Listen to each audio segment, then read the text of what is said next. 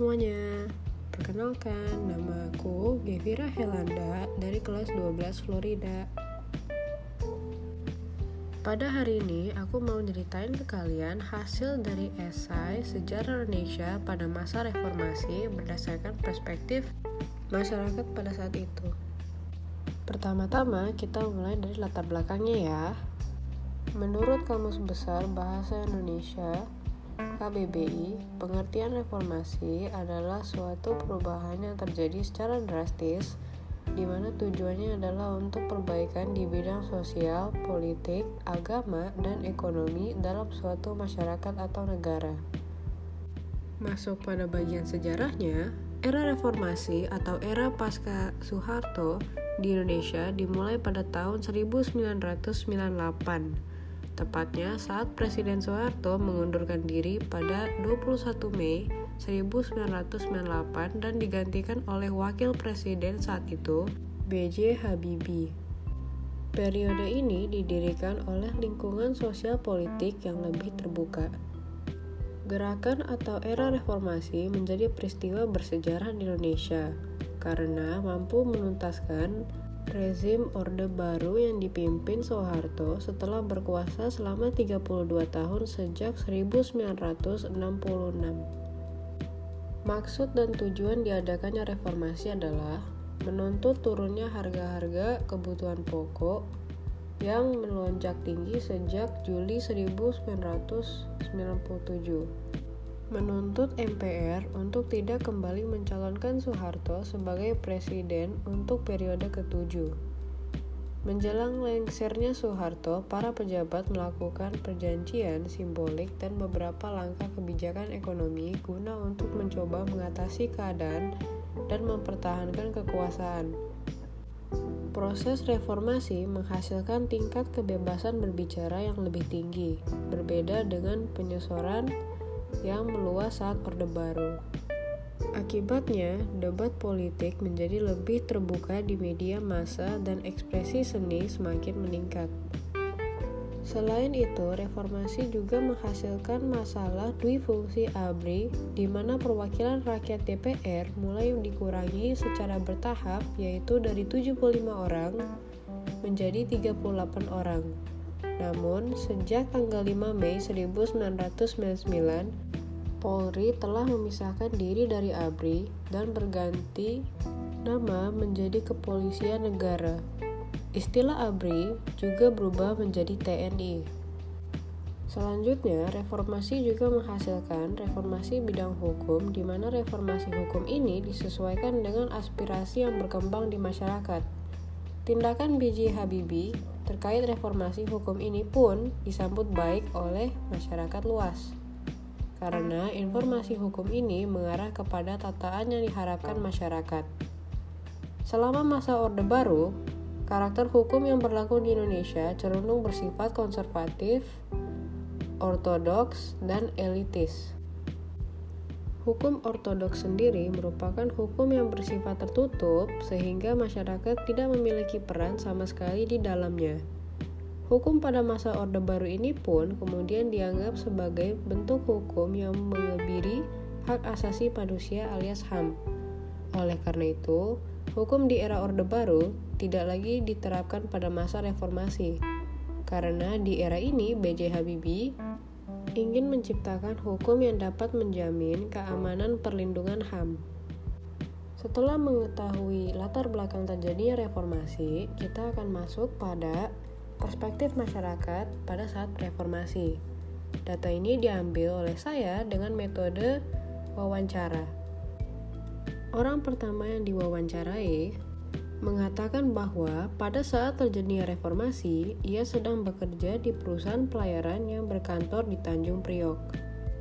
Berdasarkan perspektifnya, mahasiswa demo karena ketidakpuasan dengan pemimpin dan menuntut reformasi untuk menurunkan harga barang, menaikkan nilai tukar rupiah, dan meminta presiden untuk mundur jabatan. Ia lanjut, tuntutan tersebut sudah tidak terbendung lagi demo besar-besaran dan ditunggangi oleh berbagai macam pihak menjadi anarkis. Banyak kekerasan dan mobil serta gedung-gedung dibakar masa yang ditunggangi berbagai pihak termasuk di Tanjung Priok di tempat kantor. Dan saya berada saat itu banyak mobil terbakar di jalan raya. Suasana tegang dan tidak terkendali sampai akhirnya Presiden Soeharto memilih mundur dari jabatannya. Kondisi akhirnya bisa dikuasai oleh Panglima Tinggi Angkatan Darat. Wakil Presiden Habibie menjadi presiden dan panglima tertinggi. Kabinet direformasi sesuai tuntutan rakyat dan mahasiswa. Beliau mengatakan di masa reformasi banyak terjadi perubahan, khususnya kebebasan berpendapat yang selama ini dibungkam oleh penguasa. Satu kata yang ia gunakan untuk mendeskripsikan reformasi adalah kata merdeka, karena menurutnya selama ini pers dan kebebasan berpendapat sangat dibatasi sehingga seperti belum merdeka.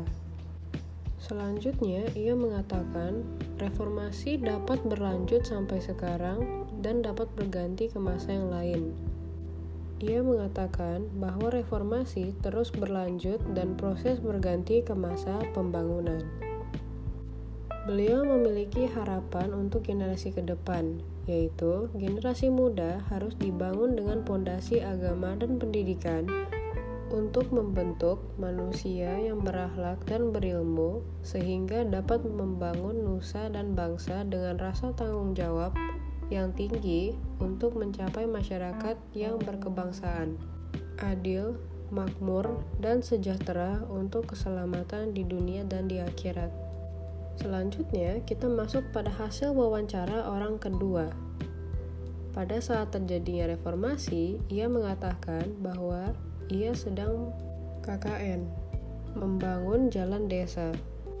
Ia mengatakan bahwa ia pergi bertemu dengan mahasiswa lainnya dan sempat ikut demo dengan teman-teman lainnya. Berdasarkan perspektifnya, kondisi daerah tidak seperti di Jakarta, di mana saat Mei 1998 terjadi demo besar besaran di mana kota Jakarta sebagai ibu kota negara dan pusat pemerintahan dibakar masa demo yang ditunggangi banyak pihak dan kepentingan politik. Mahasiswa dan masyarakat yang demo ditunggangi oleh pihak yang tidak bertanggung jawab melakukan perbuatan anarkis. Pusat-pusat perbelanjaan dan mobil-mobil dibakar. Banyak korban meninggal dan luka-luka. Ia lanjut, akibat demo dan tekanan politik dari dalam dan luar negeri dengan jiwa kesatria dan kewarganegaraannya, akhirnya Presiden Soeharto memilih untuk mengumumkan mundur dari jabatannya. Menurut beliau, bisa saja Presiden Soeharto tidak mundur saat itu karena semua militer masih dalam kendali dan loyal kepadanya. Tapi, sifat kewarganegaraannya menghindari banyak korban, sehingga memilih untuk mundur dari jabatannya. Berita itu sampai ke semua pelosok negeri dan disambut suara gembira masyarakat yang sudah ingin reformasi. Beliau berpendapat pada masa reformasi ini dapat diambil nilai positif dan negatifnya, di mana ia mengatakan untuk nilai positif adanya kebebasan berpendapat dan pers menjadi maju. Di sisi lain, dampak negatifnya adalah karena seperti baru memiliki kebebasan berpendapat dan tidak didukung oleh pengetahuan dan kesiapan bidang hukum lainnya, sehingga kebebasan berpendapat jadi kebablasan yang membuat pembangunan jadi terhambat karena pemerintah baru sibuk menghadapi kritikan dan demo yang sering terjadi. Beliau menggunakan kata merdeka untuk mendeskripsikan masa reformasi. Alasannya adalah karena reformasi memberikan kebebasan berpendapat walaupun akhirnya banyak yang kebablasan karena baru merasa merdeka. Menurutnya, masa reformasi dapat terus berlanjut sampai sekarang, karena baginya kehidupan bernegara terus menuntut perubahan untuk kemajuan dan pembangunan. Dan dengan itu, ia harap generasi muda harus bangun dengan pendidikan akademi akan melahirkan putra-putri yang mampu membangun nusa dan bangsa. Selanjutnya, kita masuk pada sesi wawancara yang ketiga. Di sini, beliau mengatakan bahwa pada saat itu ia sedang berada di Belitung. sehingga ia tidak dapat mengalami peristiwa reformasi secara langsung karena di sana tidak ada kericuhan atau demonstrasi. Ia mengatakan bahwa ia hanya menyaksikan peristiwa-peristiwa tersebut melalui televisi. Dan menurutnya, pada saat terjadinya reformasi, perlahan-lahan demokrasi mulai berjalan dengan baik. Menurutnya, satu kata yang bisa mendeskripsikan masa reformasi adalah keterbukaan. Karena sebelum reformasi, orang tidak berani mengungkapkan kebenaran. Namun, setelah reformasi, orang-orang mulai berani untuk mengungkapkan fakta atau kebenaran. Selanjutnya, ia mengatakan, apakah masa reformasi yang masih berlanjut sampai sekarang bisa berganti ke masa yang lain? Ia menjawab, tidak mungkin. Karena dengan teknologi informasi yang sangat canggih di masa sekarang, kita bisa cepat dalam mengakses informasi dengan detail. Wawancara ini ditutup dengan beliau mengatakan harapannya, yaitu ia harap semangat reformasi dijalankan lebih baik dan lebih transparan lagi dan generasi muda dapat mempertahankan kesatuan Indonesia. Dengan itu, berdasarkan wawancara saya dengan sumber-sumber di atas, kita dapat menyimpulkan bahwa reformasi menghasilkan kebebasan yang besar untuk rakyat Indonesia. Dengan harapan untuk generasi muda memanfaatkan kesempatan tersebut untuk lebih berpendapat dan terbuka terhadap suatu hal dan isu dengan syarat harus objektif dan tidak berdasarkan rumor atau sumber informasi yang tidak pasti agar pelaksanaan perubahan dapat berjalan dengan baik.